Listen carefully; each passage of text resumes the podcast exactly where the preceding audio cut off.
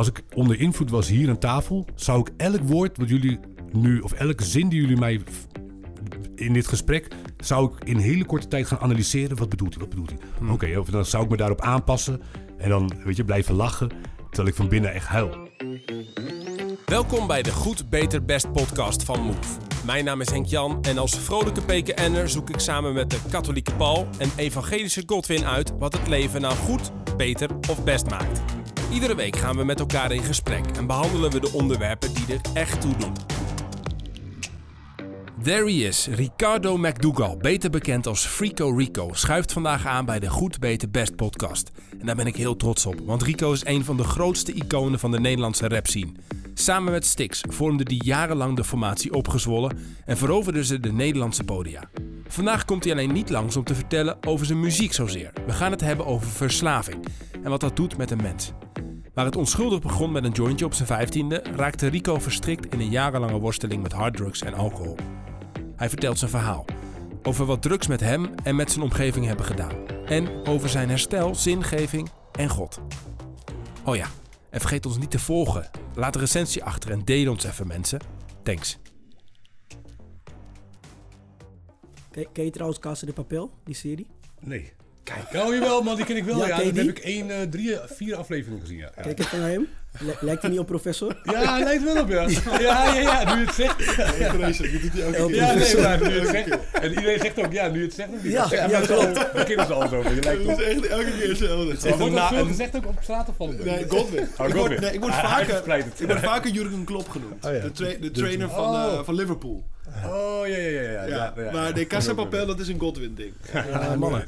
Zullen we gewoon even met een klein beetje muziek beginnen, ook een beetje om erin te komen? De klassieker. Happy day. Oh, happy day. Ja, Dit is mijn jam. Rico neemt nog maar even een slokje koffie. Heerlijk, heerlijk. Die denkt ook, waar ben ik nou beland? Want eh, we zitten aan tafel met, eh, met Rico. Echt een eer om je hier te hebben, man. Nou ja, dank je. Leuk om hier te zijn. Ja. Eh, jij bent eh, een van de, de, de godfathers van de Nederlandse hip-hop, zou je kunnen zeggen. Uh, uitzwollen, Jij opgezwollen. zegt het. Ja, nou ja, ik, ik- je, kwam hier binnen en misschien moet het fragmentje nog even. Godwin was voor het eerst met stomheid geslagen ongeveer. Ja, ja, ik was een beetje... Ik, wist, ik kon, kon niet uit mijn woorden komen. dus eh, ja, voor mij is het een hele grote eer om aan tafel te mogen zitten met eh, een legendarische koning die nog levend is. Ehm, nee joh, we gaan het hebben vandaag met elkaar over, eh, over verdoving. Over jezelf verdoven, maar ook over geloof. Hoe zit je dat en hoe leef je nou het beste leven? Hè? En jij Ja. hebt best wel een heel heftig verhaal, Rico. Daar gaan we vast wat van, eh, van meekrijgen. Ja. Eh, we willen van alles eh, over weten. Met, met elkaar willen we ook echt op zoek van... Hey, wat, hoe kun je nou gewoon in je leven op een, op een goede manier omgaan... met alcohol, met, met drugs, met al die, al die zaken. Wat heb jij daarvan geleerd? Wat zijn onze ervaringen? En, en hoe kijk je daar misschien ook, ook eh, nou, als gelovige tegenaan, zeg maar. Hè? En, en wat, kan, wat kan geloof eh, daar misschien ook eh, betekenen? Ehm, maar ik denk, nou, ja, we begonnen ermee, joh. Ja, je, er zit hier gewoon echt iemand aan tafel die gewoon Lowlands uitverkocht, Heineken Musical Hall, alles, eh, v- 15 cd's, weet ik veel, boksen. Al- alles en nog wat gedaan, man. Het is echt te gek wat jij Ja, hebt ja, nu het zo zegt. 20 jaar.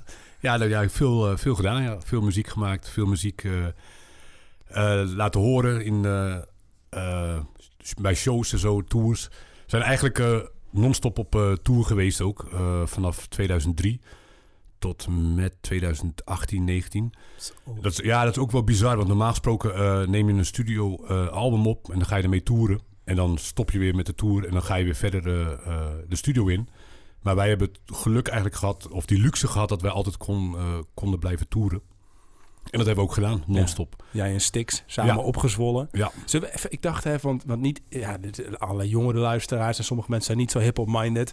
Eh, neem Paul, je, je kunt je nog bekeren, Paul. Ehm, eh, dacht, zullen we even gewoon een relaxed track, iets waar je trots op bent? Eh, zal ik even iets opzoeken waarvan je denkt, nou, we- dat we even een beetje beeld krijgen bij wat je, wat je gemaakt hebt de afgelopen Ja, nieuw bedoel je, nieuw, eh, Nieuw materiaal. of oud? Eh, roep ik, maar eh, iets. Ik ga voor nieuw. Eh, doe maar uh, schroeven draaien dan. Schroeven draaien. Ja, Ah, voor je nieuwe eh, plaat. Ik ik zat, ik zat een nieuwe plaat. ja Da- daar, daar- het R. Het leukste nummer heet Henk. Ja, Henk, ja. ja. Staat een nieuw, ja. Het is niet het leukste nummer, maar eh, Ja, dat is waar. het klinkt wel. Sorry Henk, het is Ja. niet het leukste Ja, nummer. Oké, nee, maar ik, was er, ik denk, nou, een, nu- een nummer, een nummer over Henk, dat is goed. Maar dat was Surinaamse Henk volgens mij. Dus, Een andere Henk, yes. eh, schroevendraaier, zei je. Ik ga Ja, die even ja. opzoeken. Eh, momentje. Rico. Komt-ie.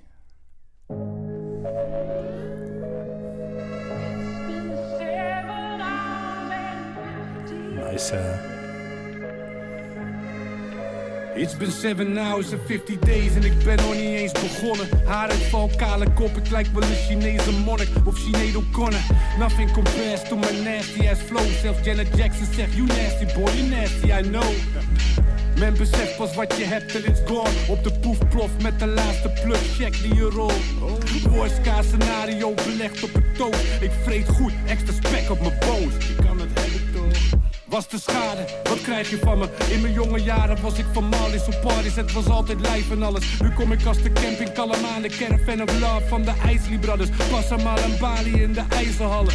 Wallah, ik zweer het maar me niks, ik ken je toch niet. Je bent een heksenbody, ik moet er zijn voor Mac en Bobby. En dat is die lobby onvoorwaardelijk. Met mijn dame aan mijn zijde haal ik het. Ja, schroeven. Heerlijk. Schroevendraaier, yes. het moet er zijn voor Mac en Bobby. Ja, mijn zoontjes. Ja, leuk man. Hoe oud Ja. zijn ze? Het zijn eh, drie en vijf nu. Ah, Eh, oktober en november eh, drie en vijf geworden. Ja.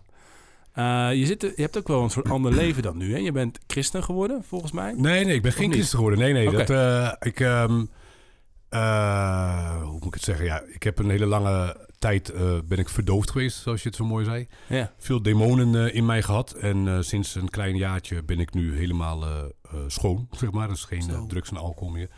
Ja, blij mee. en dat eh, heb ik mede te danken aan, eh, ja, aan God, zoals ik hem eh, zelf begrijp. Mijn hogere macht. En eh, de meetings waar ik naartoe ga. Mooi. Wat je kan voorstellen van eh, in de Amerikaanse films zie je dat je in een kringetje zit van... Hi, I'm Rico, naar mijn Hi, Rico. Waar je openlijk je hart kan luchten. Eh, en dat heeft mij echt eh, geholpen met eh, eh, clean blijven, zeg maar. Ja. En ik ben en blijf eh, verslaafd. Dat is iets waar ik ook openlijk over kan zijn. Alleen ik kan wel een verslaafd in herstel zijn. En dat ben ik nu. En dat voelt heel goed. Ja. Wauw. Zullen we even, even teruggaan eh, en misschien ook gewoon even een rondje doen. Hè? Maar eh, ehm, eh, even beginnend bij jou Rico. Zeg maar, hey, je, zegt het net zelf, joh. Ik ben, ben altijd, altijd verslaafd blijven. Hè? Mhm. Dat. Ik ben nu clean. Hartstikke, hartstikke mooi. Gaan we straks over praten. Maar waar begon het bij jou? Zeg maar, wanneer begon je en op welke manier begon je jezelf te verdoven? Eh, het begon eh, poeh, op mijn vijftiende met eh, het roken van eh, jointjes. Hmm. En het was allemaal eh, begonnen recreatief. Misschien ook stoer doen, weet je wel, meelopen met de, met, de, met de big boys. En dat ging al heel snel van kwaad naar erger. Oftewel van ja, één keer in de week naar dagelijks roken. Hmm. En toen verhuisde ik naar Zwolle. En daar leerde ik op een gegeven moment eh, ehm, vooral eh, harddrugs kennen. Zo. En daar ben ik dan tot mijn, ja, tot vorig jaar. Ja. Ja. ja, eigenlijk tot vijf jaar geleden officieel, zeg maar. Maar eh, helemaal eh, in verstrikt geraakt. Ook recreatief begonnen. En dat ging ook van kwaad naar erger. Toen wist ik niet dat, dat er een groep mensen eh, bestaat of best- die er niet mee om kan gaan. En daar val ik zeker onder, onder die categorie.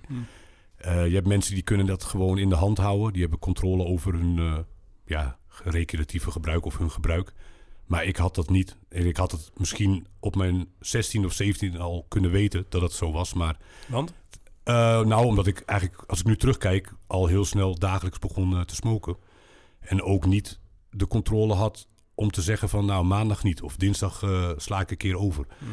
Maar eh, nu terugkijkend, ja, dat ging dat dus zo. En ehm, En, wat, en wat, wat was het dan? Hè? Want ik bedoel, dat is de, de fase waarin ik ook wat begon met roken en alcohol en af en Mhm. toe een wietje, et cetera. Eh, ik weet niet hoe dat bij jullie zit, Paul en Colton, maar wat was het dat jou bracht op dat moment? Hè? Wat, of, of dacht je er niet over, da over na? Waarom ging je daar zo... Nee, het in bracht, het bracht mij eh, eh, rust. Ehm, tenminste, dat, dat gevoel, als ik het probeer terug te denken naar toen. Rust, eh, creativiteit. Creativiteit. Ja. ja, ontspanning. Hangen met vrienden. Ehm, ja, het begin was echt eh, wel heel leuk. En ben, je, ben je bewust dan op het moment dat je onder invloed bent? Ben je bewust van het moment wat je zegt, het brengt je rust, het brengt je creativiteit. Dus dan kan je echt in de, voor jou dan in de studio zitten en je bent high en je weet gewoon alles wat er nu uitkomt, komt doordat ik onder invloed ben. Nee, daar ben ik niet bewust van eh, geweest. Maar. ehm, nee, en het is ook niet zo dat het altijd goed was wat ik, eh, wat ik maakte. de begintijd, oh, sorry, zat ik toen natuurlijk, eh, toen mijn 15 en 16 zat ik nog niet veel in de studio, alleen eh, later eh, wel. En het, was eigenlijk, het ging eigenlijk onlosmakelijk, eh, eh, het was onlosmakelijk verbonden met elkaar, Ja, weet je wel? Dus ja. smoken en studio-opnames. En dan in de avond een drankje erbij. Het was niet Dat is ook Iets- gewoon part of the lifestyle. zeg maar. ja, ja, het was Ja. niet dat ik er bewust in zat of zo, weet je wel. Het was gewoon, ik deed het. Ik, ik wist niet beter. Ik kan, Ja. ik kan me ook voorstellen dat er in die, eh, in die artiestenomgeving... dat het natuurlijk Ja. ook wel wat normaler is. Of, Ja, dat wordt dus heel vaak eh, of is dat niet zo? gedacht. Ehm, niet per se. Een jointje roken hoor je wel heel veel in de hip-hop scene, dat klopt. Maar eh, zeg maar ten tijde van de, de andere genotsmiddelen, of nou laten we zeggen geestverruimende middelen, was ik wel de enige in mijn hele omgeving die dat met enige regelmaat deed. Oké. Ja, eh, het was niet dat mijn eh, vrienden eh, en mijn muziekvrienden dat heel veel deden. Er werd wel vrij veel gesmokt en vrij veel gedronken. Maar niet die andere band. Ja. Hmm. Hey, en ehm, nou, misschien, want ik, ik ben ook wel even op zoek hè, voordat we. Want op een gegeven moment, je bouwt gewoon een verslaving op en dat heeft allerlei hele, hele vervelende gevolgen in je leven, denk ik. Dus Ja. daar zou ik wel meer over willen weten. Maar ehm, even, even benieuwd, hè, als je de, wat ik al zei, hè, weet je, ik begin ook ergens als ik 14, 15 ben met roken. En, en, en Mhm. nou, hoe is dat voor jullie, Paul en Goldwin, als het gaat om genotsmiddelen? Of eh, Eh, verdovende middelen? Nou, ik heb altijd wel... eh, ik, heb, ja, eh, ik, ben, eh, ik ben roker. Gewoon sigaretten.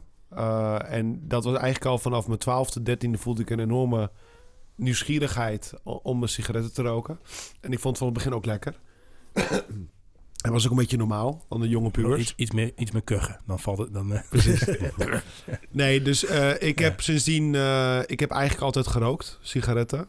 Ehm, toen was het... Ik woonde toen in Zuid-Spanje, Almeria. En Almeria, dat is aan de zuidkust van Spanje. En daar heb je ook een ferry. En wat je kreeg is dat heel veel... behoorlijk wat hash en marihuana uit Marokko... via Mm. Almeria binnenkwam. Ehm, dus dat wil zeggen, op straat was het ook heel normaal... dat er opeens een Marokkaan op je afkwam... En die vroeg, eh, wil je chocola? Mhm. Eh, nou, dan, dan, dan weet je wat... de- wat het wel. Ja, precies. eh, maar chocola of wil je thee? Eh, Thee was marihuana, chocola was hash. Dus het was, laten we zeggen, je had er wel toegang. En ik heb één keer met een vriend, hebben we toen, eh, we hadden ergens een steentje gefixt, zoals je zegt, een steentje hash. Toen hebben we het samen opgerookt. Nou, ik voelde me helemaal high en dat was heel... Maar de grap is juist, ik wist al wat sigarettenverslaving was. En ik had, ik had helemaal geen zin om aan iets nieuws verslaafd te raken. Mm. Dat was rond mijn vijftiende. Had zoiets van, ja, het is allemaal wel lekker en zo, maar ik er niet meer in. Het is, het Had is jij er ook al een soort van beeld bij van... hé, hey, dat moet ik eigenlijk dus niet doen, zeg maar. Je had ouders die daar waarschijnlijk ook niet altijd om om Nee, te dus springen. ik denk inderdaad dat mijn ouders hadden het sowieso niet goed ge- Toen, toen eh, ik, ik eh, roken, sigaretten, dat eh, verborg ik ook nog voor mijn ouders. Hm. Maar nee, dat hadden ze echt niet goed gekeurd, nee. Ik had, het, het kwam niet eens bij me op. Nou, laten zeggen, ik wist wel dat het niet goed was. En drugsverslaving, daar wilde ik niet aan beginnen. Maar meer van dat je af en toe een jointje rookt. Ik dacht, nee, weet je, ik, ik ga het gewoon niet doen, punt. En dan, ik heb Eigenlijk al uit een soort van je zelfbescherming, zeg maar. Van, ja, eh, en, en ik, had geen, ik had geen zin in gezeik, geen zin om heel veel geld aan dat soort dingen uit te geven. ja. Hey, en als het gaat om, om, eh, om alcohol bijvoorbeeld, hè? want ik ken je ook als iemand die eh, wel van een biertje houdt. Ja, absoluut. Nou, de grap is dat ik heb altijd... Ik ben een regelmatige drinker. En met regelmatig bedoel ik dat ik per makkelijk in de week... een aantal avondjes één of twee biertjes drink. En in de tijd was het niet één of twee, maar soms drie of vier. Maar ik heb bijvoorbeeld... Ik ben nooit... eh, heb ik mijn bewustzijn verloren... of ik ben nooit gaan overgeven van drinken. En ook niet in, jouw, eh, in, je, in je metal days met... met, Nou, dat je- is grappig dat je het vermeldt. Want in die 15, toen ik 15, 16 was, ik ging heel vaak naar metalzone van Almeria. En ik had mijn lange haartjes, mijn zwarte kleding. En dat was, en ik kan me nog herinneren dat ik dat ook een beetje zielig vond. Want daar, daar werd inderdaad wel, daar werd alcohol, maar ook niet per se meer dan in andere omgevingen, in disco's. Het was, eh, je had ook gewoon eh, wijn en bier en weet ik wat. En veel hars. En ik zag ook al een paar meiden van mijn leeftijd. Ik kan ook herinneren dat ik één ook gewoon echt leuk vond. Ze was een heel knappe meid. Maar ze zat op de stoep. En die, en die, die zaten daar al te rollen voor een, eh, voor een hash. En eentje zat ook al, die had ook al 100 euro uitgegeven in twee weken aan cocaïne, denk ik. En dat vond ik echt zielig. Mm. Ik vond het echt zielig. En daar heb ik altijd wel... Ik heb, ben best wat omgegaan met, ook met mensen die... Maar ik had zoiets van, nee, dit, dit, dit wil ik niet. Weet je, En- ik, en mijn, nooit- peuken, mijn peuken is goed. Ja. Weet je, daar gewoon biertjes erbij, maar redelijk normaal, zeg maar. En Ja. nooit de verleiding gehad, hè? Want ja, op een gegeven moment dus wel. Nooit de verleiding gehad dat je dacht, nou, ik wil gewoon een keer... Ik wil me verdoven, ik wil hier weg zijn. Ik wil gewoon eh, een pilletje op. Ik wil eh, Nee, nee lekker, des- lekker stoned zijn. Nee, dan, dan het, ik denk het ergste, het ergste, en het is niet eens zo erg, is dat je inderdaad gewoon een lange dag, dat je voelt je kut. Of met het weer eh, krijg ik soms winterdipjes en zo. En dat je merkt dat je gewoon iets makkelijk een extra biertje drinkt. En dat je die, dat verzadigend effect van alcohol, dat het een beetje je, je Ja. brein een beetje... Ja, dat is dan wel lekker. Maar dan kan ik nog steeds op de fiets gewoon naar huis... en eh, mijn gebeden zeggen voor het slapen gaan en gaan slapen. Snap je? Dus Ja. ik heb nooit een punt bereikt dat ik echt ladder zat... Of, eh, of dat ik de bekoring voelde tot harde drugs of zo. Ja. En jij, God, ik heb jou eigenlijk nooit... Ik zie jou, jij drinkt alleen maar water, je eet alleen maar kip. Klopt. En, en ik, ik hoor je nooit over koffie, roken, alcohol. Nee, normaal gesproken heb ik altijd van die gekke verhalen voor jullie. Ja. Wat betreft dit. Kijk, het heeft twee redenen. Ik kan me herinneren, de eerste keer dat ik zogenaamd wilde roken, stond ik op balkon met mijn nicht. Had ook keukenpapier gepakt, ging oprollen. Je, weet je begint altijd zogenaamd gangster. En toen, um, ik ben met mijn oma opgegroeid. Dus toen staken we op een gegeven moment eh, die keukenrol in de fik. Nou, dat gaat super snel, dus natuurlijk. en wij doen alsof we roken. En op het moment dat we uitbliezen, zie ik mijn oma in mijn ooghoek gewoon komen lopen. En ze gaf ons zo goed pak slaag. Ik, was, ik denk dat ik nog nooit zo goed verdoofd ben. Ik denk dat ik meer verdoofd was door dat dan door die drugs die jullie allemaal gebruikt hebben. Maar ik heb, ik heb nooit een drang gehad om, om, om, om alcohol te gebruiken of om drugs. Maar dat heeft te maken met mijn omgeving. Ik kom zelf uit Zuidoost. Um, en heel veel... Alleen Amsterdammers zeggen gewoon alleen maar Zuidoost. Ja, ik weet ook meteen dat je zegt Zuidoost, weet ik meteen wat je bedoelt. Ja. Ja, ja. 1104 uit de BIMS. Nee, Juist. ik heb in mijn omgeving gezien dat mijn leeftijdsgenoten er gewoon aan kapot gingen. Ik Mhm. speelde ook American football, ik heb topsport gespeeld. Ik mocht het niet doen, anders werd ik uit het team geschopt. Dus mijn omgeving heeft op een gegeven moment um, mij twee dingen geweest. Eén was, je gaat er kapot aan. Mhm. En twee was, als je het doet, hoor je niet meer bij, um, ja, bij je sportvereniging. Ja, En dat ja. was, betekende heel veel voor mij. En ik heb wel een oom die heel dichtbij is. Ik was gisteren toevallig nog bij hem. Hij zit in een um, re- rehabilitatiecenter. um, omdat hij te veel alcohol gebruikt. En op het moment dat hij alcohol drinkt, is hij ook helemaal weg. Ja. Um, ik herinner nachten dat wij van balkon gingen springen en weg gingen rennen omdat hij achter ons aan zat. Wauw. Dus Oh, voor ja. mij was het een. Ik, heb, ik, ken- ik ken de andere kant ervan. Weet je wat het met mensen doet? En ik wilde dat gewoon helemaal niet voor mezelf. Ja. En ik vond het. eh, ja, ik dacht, ik ben jong. Als ik mijn leven nu goed inricht, dan denk ik dat ik op mijn 40ste super fijn leven kan hebben. Of ik ga nu mijn leven um, toewijden aan iets waarvan ik weet dat ik moet herstellen. En Ja. dat, dat wist ik op een jonge leeftijd, wilde ik dat niet. Hey, en nu, ehm, nu eh, gebruik je nu überhaupt iets, zeg maar? Hè? Drink je wel eens een biertje? Nee, bier vind ik vies. Dat heeft te maken met de smaak. Ehm, ja, smaken verschillen, Ja. Paul. Smaken verschillen. Nee, Enige, nee, nee, je moet je smaak opvoeden. enige wat ik wel eens drink is wijn. Maar dan moet het ook echt zoet zijn. En het moet gewoon net Maar je, je kinderchampagne bent, zijn. ja, maar je bent er dus niet per se op tegen om af en toe eens wat te drinken. Nee. Maar eh, je hebt zelf echt niks mee. eigenlijk. Nee, het zit echt niet. En ik weet, als ik letterlijk wijn drink wat zo weinig is, als wat jij nu in je glas hebt, dan, ik weet niet wat ik moet voelen. Dus ik weet niet of ik me lichtjes moet voelen, zwaar moet voelen, of ik...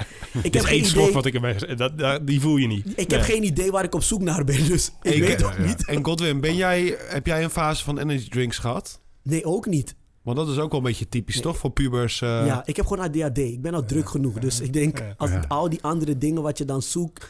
Ik denk En dat, eh, je hebt, je hebt er ook geen... ehm, je hebt ook geen, geen neiging of niet nieuwsgierig naar. Ik bedoel, ik ben zo vaak dronken geweest in mijn leven. Dat zou je toch... e- Ik ken ook Ja. een, een zwager van mij, die waren in Israël. En die zegt, ja, ik moet gewoon een keer dronken worden in mijn leven. Dus die dronk, die dronk een fles wodka op en begon daarna mensen uit te schelden op straat. Hou op met toeteren. Ja, weet ik veel. Maar gewoon omdat hij het gewoon... Een keer, daar kun je van alles van vinden. Maar Ja. je hebt niet de verleiding dat je denkt... hé, dat wil ik een keer nee, meemaken. ik, ik ben bang dat als ik dat ooit zal doen, dat eh, de gevolgen ervan ik dat niet kan overzien. Ja. Als ik kijk bijvoorbeeld naar een van een eh, hele goede vriend van mij, Michel. We zijn samen opgegroeid, dezelfde buurt. We sliepen bij elkaar thuis. Hij sliep bij mij, ik bij hem. Mijn oma gaf altijd ehm, alleen patat en frikandellen, maar we aten altijd en we hadden genoeg. En op een gegeven moment kom ik hem tegen. Dit is, ik denk dat ik hem vier, vijf jaar geleden tegen ben gekomen. Gewoon zwaar verslaafd. En ik wilde hem mee naar huis nemen. Hij heeft heroïne. Hij is verslaafd aan heroïne. Het begon bij sigaretten. Moet je nagaan op onze leeftijd. Um, toen op een gegeven moment um, zei ik tegen hem... je kan met me mee naar huis als je wilt om af te kicken. En hij zei tegen me... nee, dat kan ik niet... want ik kan niet garant staan voor wat ik jou ga aandoen... als ik heroïne wil. En dat brak mij zo. Dus ik heb nooit... Ik weet niet of je zou me moeten opsluiten in een kamer... waarvan ik denk, oké, nu kan ik niks. Maar als je eenmaal verslaafd bent... ik weet niet wat dat mij gaat kosten. Dus ik heb die drang heb ik helemaal niet. Ik denk dat ik die kick in wat anders zoek. Ja. Hey, Rico, ehm, eh, ja, eigenlijk, eh, Godwin heeft zeg maar al die waarschuwingen in zijn, in zijn, in zijn Ja. jeugd opgepikt Ja. en meegekregen. En beschermd met de voetbal, et cetera. En, en jij op een bepaalde manier ook. Ja. Had jij dat dan niet? Zeg maar dat je 14, 15, 16 was, dat je wist of dat iemand tegen je zei van hier moet ik me verder van houden? Ja, ik denk het eh, wel eens. Ik ben één keer... eh, ehm, heb ik van mijn, eh, eh, de moeder van mijn beste eh, vriendje destijds, Joachim... enorm op mijn flikken gekregen... omdat hij ehm, in een, hoe heet het, isoleren ding terecht kwam. Hij was doorgedraaid. Hij dacht zelf dat hij Jezus was. Hij liep op een camping eh, rond. Had heel veel, te veel gebruikt. En daar kreeg ik van op mijn kop, om het zo te zeggen. Want ik had beter moeten opletten. Zo. Ja, dat heeft mij heel erg eh, geraakt toen destijds. En ik was niet eens op die camping eh, destijds. Dus het was zeg maar in de zomer ergens in een van de, van de, de jeugdcampings... waar iedereen altijd eh, losgaat in de zomer. En ja, ook in die isoleercel had hij zichzelf zijn eigen uitwerpselen over de dingen heen gesmeerd. En die kwam toen ook bij hem op bezoek. En hij was een tekeningetje aan het maken, gewoon als een klein kind, weet je wel, drie, vier jaar zo. Kijk, dit ben jij. Weet je, zo praatte hij ook. En gelukkig is het helemaal goed gekomen met hem. Alleen eh, dat, wat die moeder toen heeft gezegd tegen mij, dat het mijn schuld was, dat was, vond ik echt heel heftig. Dat is eh, het enige wat ik me nu zo hard op kan herinneren. En waarschuwingen, ja. Weet je, ik wist wel dat het niet. eh, of dat het consequenties kon hebben. Maar ik was daar helemaal niet mee bezig. Nee. Ik was daar helemaal niet mee bezig. Ik stond op op een gegeven moment al best wel jonge leeftijd. En ik rookte op wat ik nog in de asbak had. En zo ging ik ook naar bed s'avonds. Dus eigenlijk was ik al vrij vroeg. Weet je wel, nu ik dit gesprek hoor en hier in het gesprek zit, besef ik dat ik al vrij vroeg eh, eh, in de verslaving terecht eh, was gekomen. Hmm. En mag ik dan wel vragen als iemand die het, dat wereldje niet kent, wat doet het met je? Wat moet ik me voorstellen? Want stel dat je um, wiet neemt of je neemt wat anders. Mhm. What happened at that moment? Ik kan me totaal niet voorstellen dat je wat, wat, wat er in je hoofd gebeurt of wat er met je lichaam gebeurt, waardoor je denkt van goh, wat is dit toch een fijn gevoel? En waarom moet je dan terug naar dat gevoel? Ja, precies. Ja. Nou ja, op een gegeven moment zit je zo diep in daarin dat je dus gewoon niet anders meer wil dan dat gevoel willen hebben. Maar om dat gevoel te beschrijven, ja. Weet je, bij het begin heb je dat je dat, dat stoned zijn, ja. Ja, je bent eigenlijk gewoon. Als ik nu over nadenk, denk ik, ik was gewoon moe, weet je. De hele tijd gewoon duf.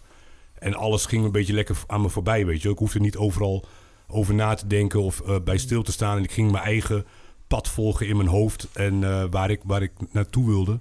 En dan nam ik nog een eh, jointje en dan was ik op de plek waar ik wilde zijn in mijn hoofd, weet je wel. Maar waar dat was, Maar het verdoofde je echt, zeg maar. ja, verdoven, in Ja. een roes, in een roes vooral komen, ja. En eh, dingen, alle dingen die belangrijk waren, vooral parkeren, opzij zetten. Het en, vluchten. Ja, vluchten ook, kan je ook noemen, ja. Ja. School ging ook eh, meteen eh, heel erg achteruit toen ik begon. Eh, derde jaar, van, ik zat op de HAVO, bleef ik zitten. Vierde jaar weer. Toen werd ik vriendelijk verzocht om, eh, om weg te gaan daar. en eh, toen, eh, een jaar later, ging ik dus naar Zwolle toe. Twee jaar, ja, een jaar later. Ik heb eerst een jaartje gewerkt. En eh, ja, in Zwolle ging het gewoon weer door. En werd het eigenlijk nog erger. Ja.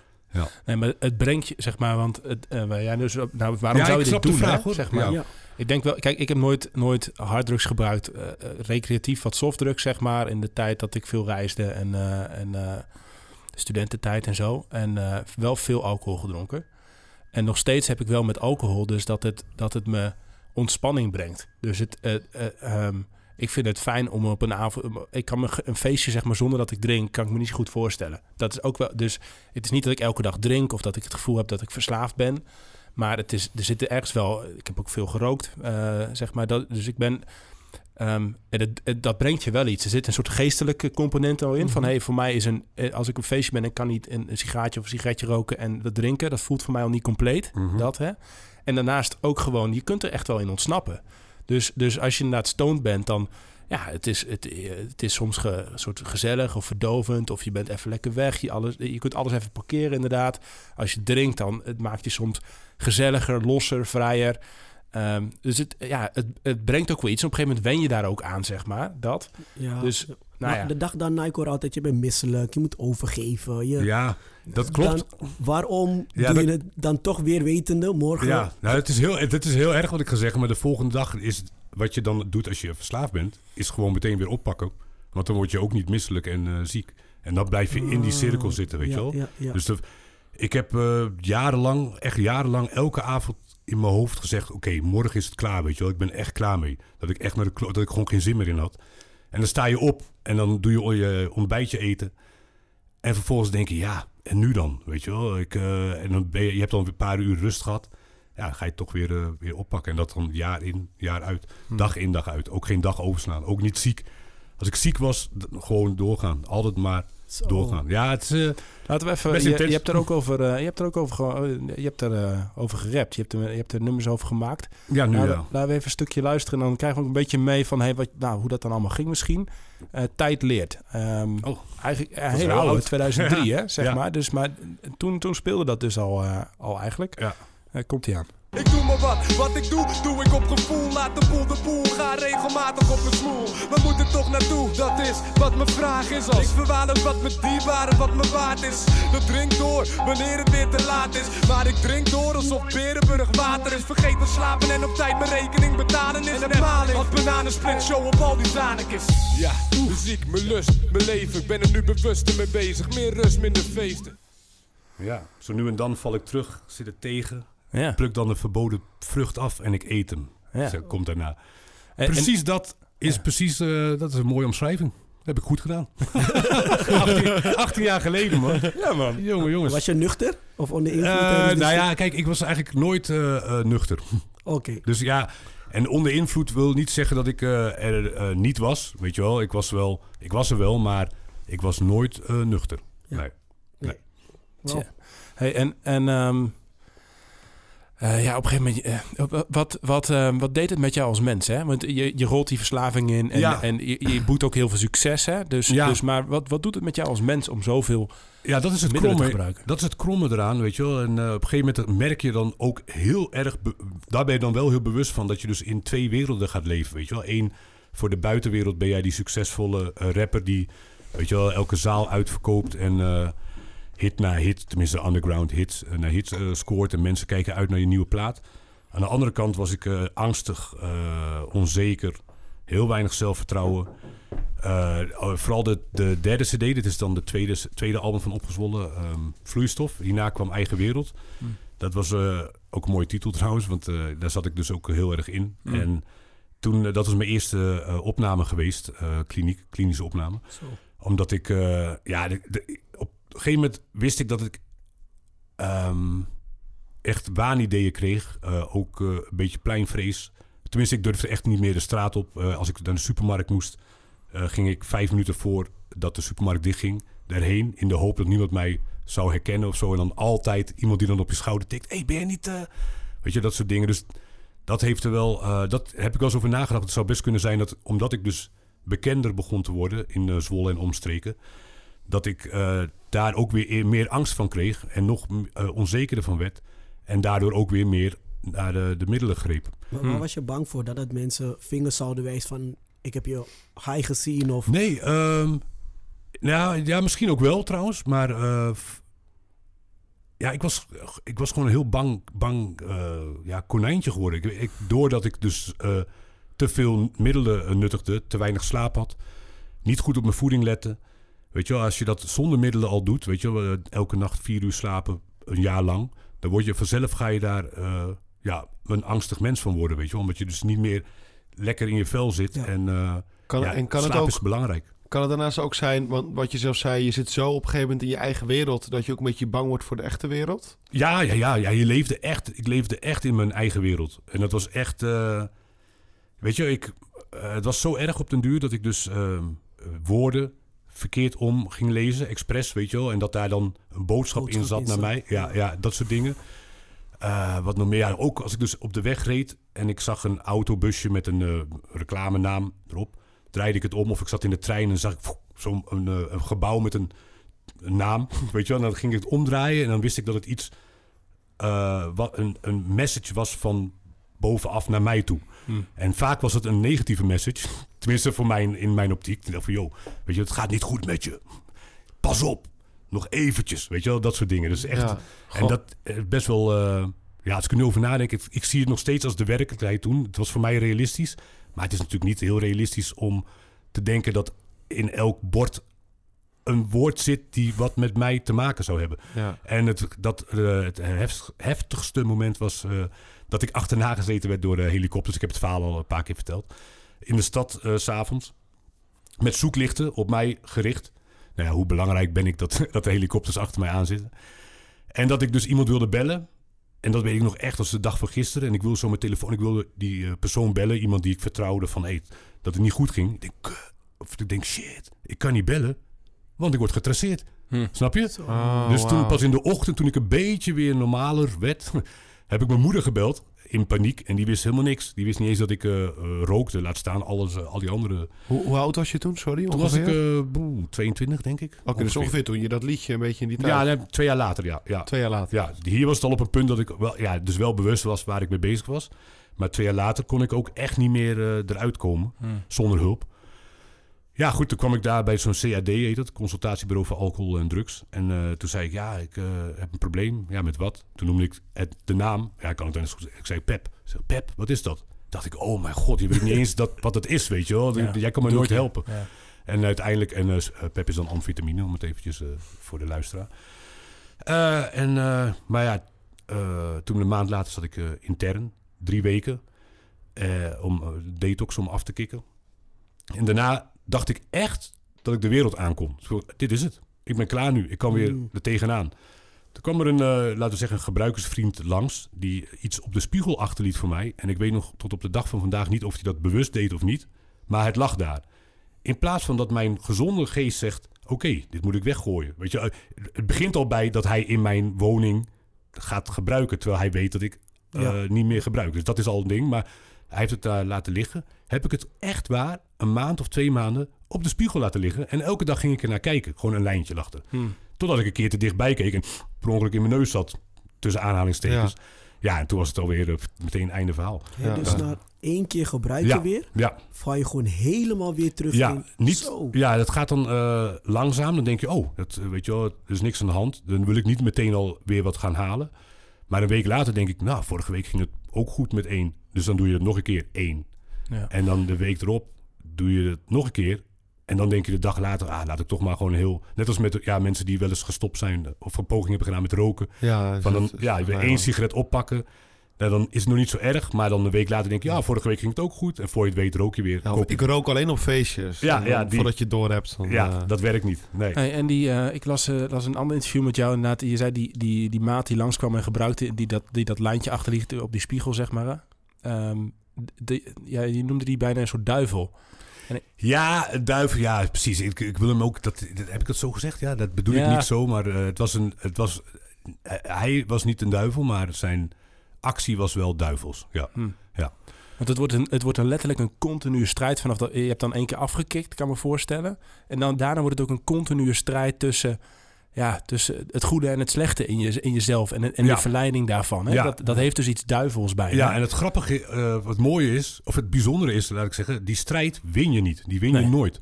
En daar ben ik dus, het heeft jaren geduurd voordat ik erachter kwam, maar als je gaat strijden tegen je probleem, zeg maar, je verslavingsprobleem, die verlies je geheid, weet je wel. Want je gaat elke dag, eh, als je al gaat, gaat strijden, ga je elke dag dus in gesprek of in, ja, hoe noem je dat? In, je gaat het gesprek aan met, ja, met ik je vind het heel gaaf dat je het Snap zegt. wat ik bedoel? Ik snap het in de katholieke spiritualiteit. eh, daar wordt gezegd over de bekoring. Dus meer tegen de zonde in het algemeen. Mhm.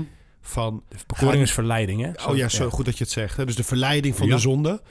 Daar wordt gezegd, ga niet in dialoog met de Ja, verleiding. De Vlucht. dialoog, die zocht ik, ja. Vlucht van de verleiding. Niet nooit in dialoog Nee, gaan. nee, de dialoog verlies je.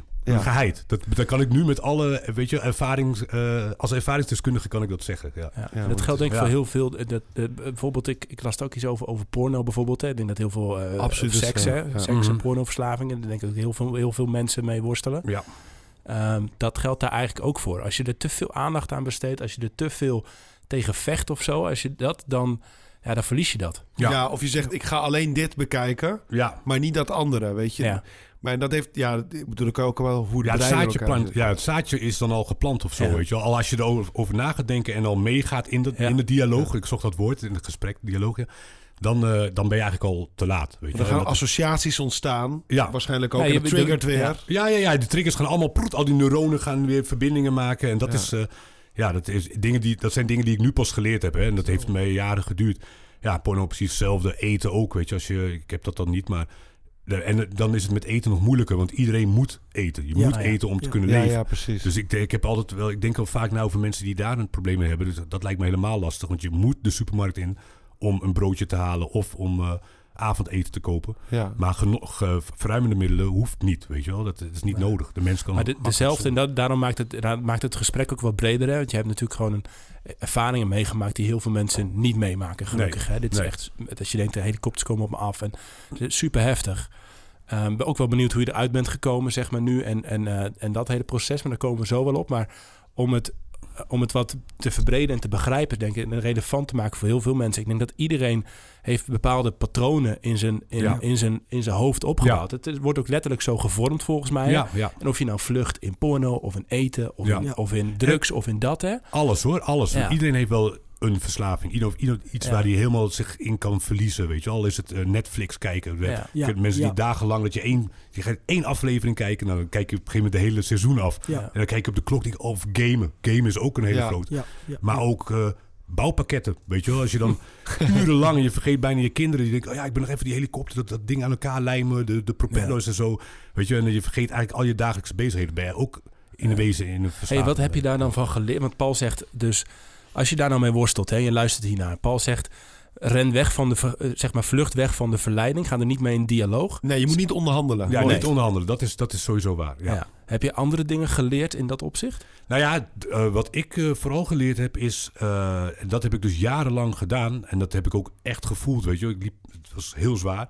Heb ik alles voor me gehouden, voor mezelf gehouden. Ah ja. Al mijn geheimen, al mijn problemen, allemaal voor mezelf gehouden. Met niemand gedeeld, weet je. Met mijn, met mijn eh, partner niet, met, eh, met vrienden niet. Weet je, heel af en toe als het heel slecht ging, dan gaf ik toe dat het niet goed ging. Dat is het Mm. enige. Maar wat er dan slecht ging en hoeveel ik deed en wat ik allemaal deed en hoe weinig ik sliep en eh, hoe, zelf ik, hoe ik mezelf verloor. Ik had ook een, dat was, moet ik even nog een kant denken. Ik had ook wantrouwen naar iedereen. Weet je, ook als, dus, en dat was heftig ook. En het, ik zeg dat niet graag, maar hier voelt het gewoon vertrouwd. Ook met rappers, rappers, weet je, die dan teksten spitten op dezelfde plaat. En dan ga ik de teksten helemaal analyseren. En vervolgens, op den duur, dat is ook weer zo'n ding, gaat die hele tekst over mij. En dan denk ik, wat heb ik, weet je, waarom heb je het over mij? Ja, weet je, ja, ik dacht, ja, we zitten samen in een soort vriendschappelijk ding, maar nu zit je mij gewoon te dissen. Hmm. En dan ga ik dus daarop gebaseerd, op iets wat ik uit de lucht grijp, wat ik, wat ik mezelf heb gevormd, ga ik daar weer op reageren. Dus dan Hmm. krijg ik een soort hele boze tekst naar, naar, een, naar iemand toe die helemaal niets, dat, niks van dat bedoelt. Zo. Weet je wel, dan krijg je hele rare, kromme... Ze deden ook Situaties. met relaties, professionele relaties, andere rappers. Weet je, je kon heel lang dingen verber- verbergen, maar het deed wel wat. Het maakte dingen kapot. Ja, het maakt alles kapot, ja. ja. Ik, ik vraag me af hoe je dat alles kon verbergen. Je bent niet, je bent niet de onbekendste persoon. Nee, klopt. Heel Nederland kent je al. Mhm. Um, Nou ja, daarin ja, nee, daarin ook merk ik... um, ja, je hebt best wel veel mensen continu om je heen. Ja. Hoe, hoe is het jou gelukt om dat te verbergen? ja, dat is ook een kracht. Ja, geen mooie kracht, maar van een verslaafde die kan eh, dingen heel lang eh, verborgen houden. Ook letterlijk, weet je wel. Dus zijn, eh, zijn spul, zijn stash verstoppen. Ja. Daar word je meester in. En dat kost je ook gigantisch veel energie. Maar ook proberen bij het uiterlijk vertoon, weet je wel. En, en in je gedrag je zo aan te passen. En dat was dus ook mijn probleem. Ik paste me aan alles aan, elke situatie. Echt een soort chameleon. Om maar zo normaal mogelijk over te komen. Maar van binnen ging ik echt kapot, weet je wel. En dan zou ik, als ik onder invloed was hier aan tafel... zou ik elk woord wat jullie nu... of elke zin die jullie mij in dit gesprek... zou ik in hele korte tijd gaan analyseren. Wat bedoelt hij, wat bedoelt hij? Oké, of dan zou ik me daarop aanpassen. En dan, weet je, blijven lachen. Terwijl ik van binnen echt huil, weet je wel. En ja, dan, dan eh, eh, Typhoon, die kennen we ook. Ja. Die, eh, dat, ja, dat ook zo'n situatie dat ik denk ik vijf jaar geleden eh vertelde dat ik een probleem had. Eh, terwijl ik er toen al 15 jaar echt middenin zat. En die begon te huilen, weet je wel. Hij zegt dat ik dat niet gezien heb, man. Dan was ik er voor je geweest. Hmm. En dat raakt me nu ook als ik het nu zo zeg. En ehm, dan denk ik van ja, dat, dat is dus echt hetgeen wat ik, waar ik heel goed in was. Weet je wel, gewoon ja, de joker spelen of zeg maar de, de niet Het mezelf maakt je van binnen ook heel erg... Weet je, voor Typhoon was het en voor andere vrienden was het waarschijnlijk heel pijnlijk om Ja. dat te, te horen. En ook gewoon voor de willen zijn. Maar voor jou, het maakt je ook een heel eenzaam mens. Ja, heel verdrietig. eenzaam. Dat Ja. is het. Heel eenzaam. Eh, heel eenzaam. En dat, is- die eenzaamheid is niet uit te leggen. Dat kan ik niet zeg maar omschrijven. Het is, je, wordt, je bent alleen op de wereld. En zo voel je ook. En zo ga je dan ook nog eens opstellen. Ja. Weet je, want eh, iedereen is tegen mij. Weet je wel? Niemand heeft het beste met mij voor. Eh, ik weet dat ik slecht ben. Ehm, waarom moet je me dan ook nog eens zo eh, benaderen, weet je wel, als een slecht persoon, terwijl het helemaal niet aan de hand was. En dus die meetings, waar ik de eerste keer eh, binnenstapte vorig jaar, zeg maar, en ik was toen al vijf jaar van de, de harddrugs eh, af. Toen dacht ik trouwens, ja, ik moet niet van de hak op de tak, maar toen dacht ik, oké, ik, ik doe dat niet meer, ik kan nog wel eens wat drinken.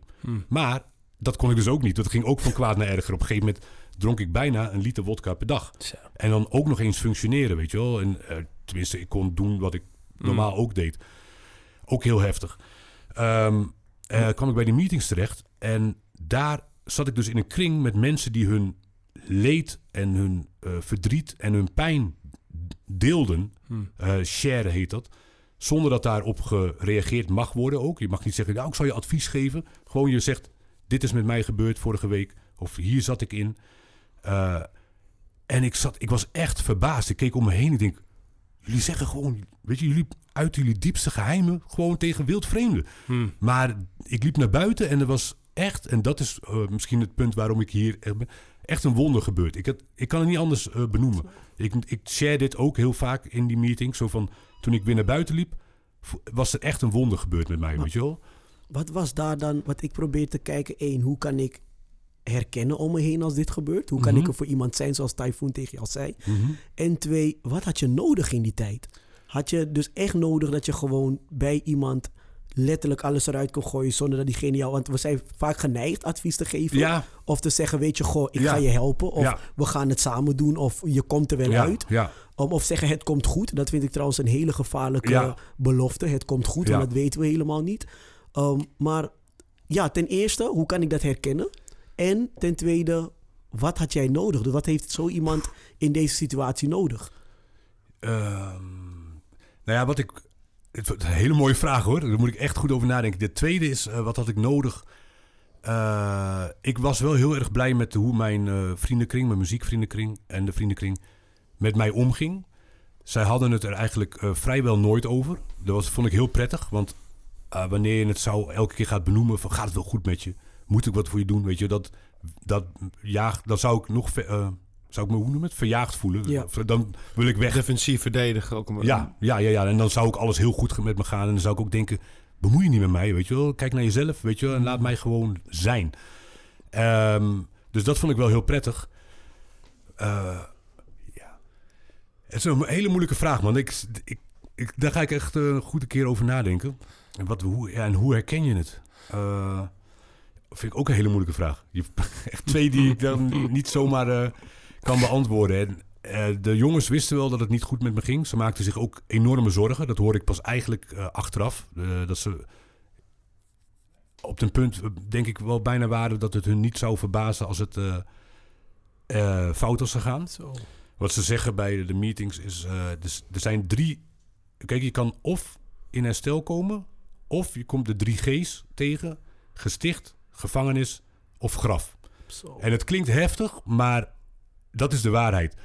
Eh, bij mij zou het op nummer 1 met stip gesticht zijn geweest. Ik zou zo gek zijn geworden dat ik niet meer normaal over. Dat zou ik echt het verkeer gaan regelen op het kruispunt, weet je wel? Eh, dat soort situaties. Ja, hoe ik, als ik terugkijk van hoe ik in mijn paranoia fase was, dat, al, dat ik was echt heel ver van mezelf eh, verwijderd.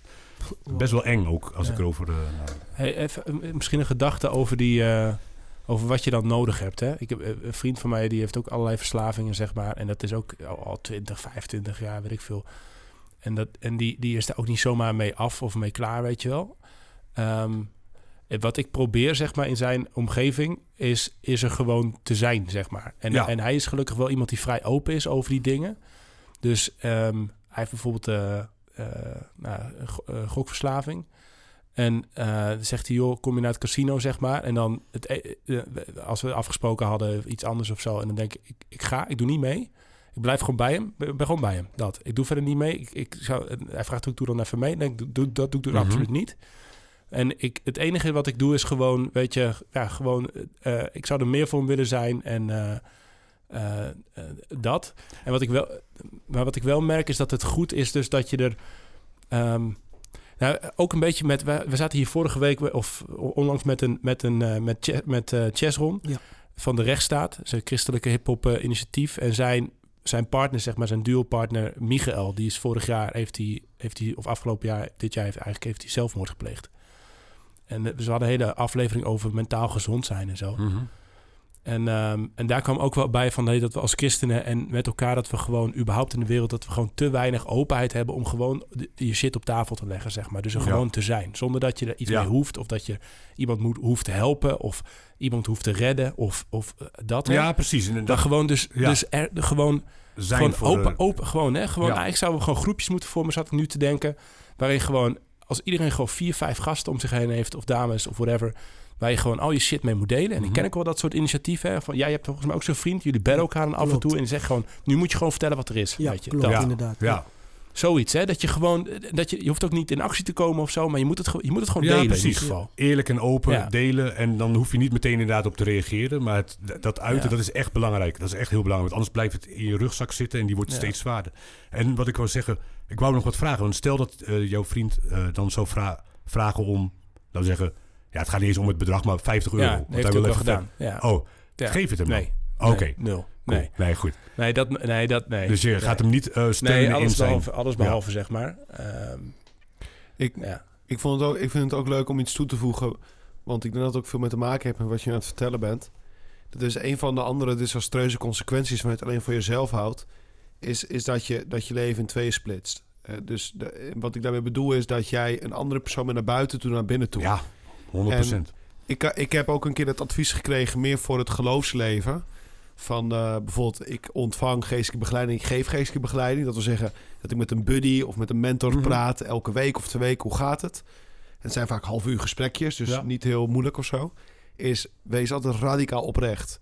En dat is niet zozeer vanwege accountability per se, omdat die ander het per se allemaal moet weten. Maar dat je niks voor jezelf houdt Juist.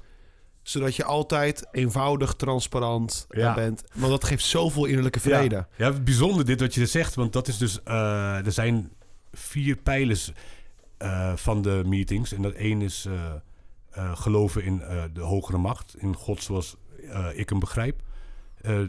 Pijler twee is een sponsor. Dus een sponsor, dus niet een kledingsponsor, maar iemand die ik dus, en dat heb ik, die heb ik dus ook gevonden. Een jongen uit Urk.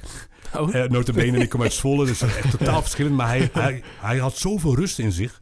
En hoe hij sprak altijd bij de... Ik denk, oh, bijzonder persoon, weet je wel. Hij is, ik denk 15 jaar jonger dan ik ben. Dus ik heb hem gevraagd of hij mijn sponsor wilde worden. En hij zegt, ja, natuurlijk. En hij zegt, ik wil dat je twee dingen doet. Ik wil dat je me elke avond belt. Elke avond. En ik wil dat je eerlijk bent. Zo. En dat zijn twee dingen waar ik een bloedhekel aan had. Want eerlijk zijn kon ik niet. Ik, leefde één grote leugen. En bellen hou ik helemaal niet van, weet je. Ik ben meer van het appen. Dus dat was wel eh, spannend bij het eh, begin.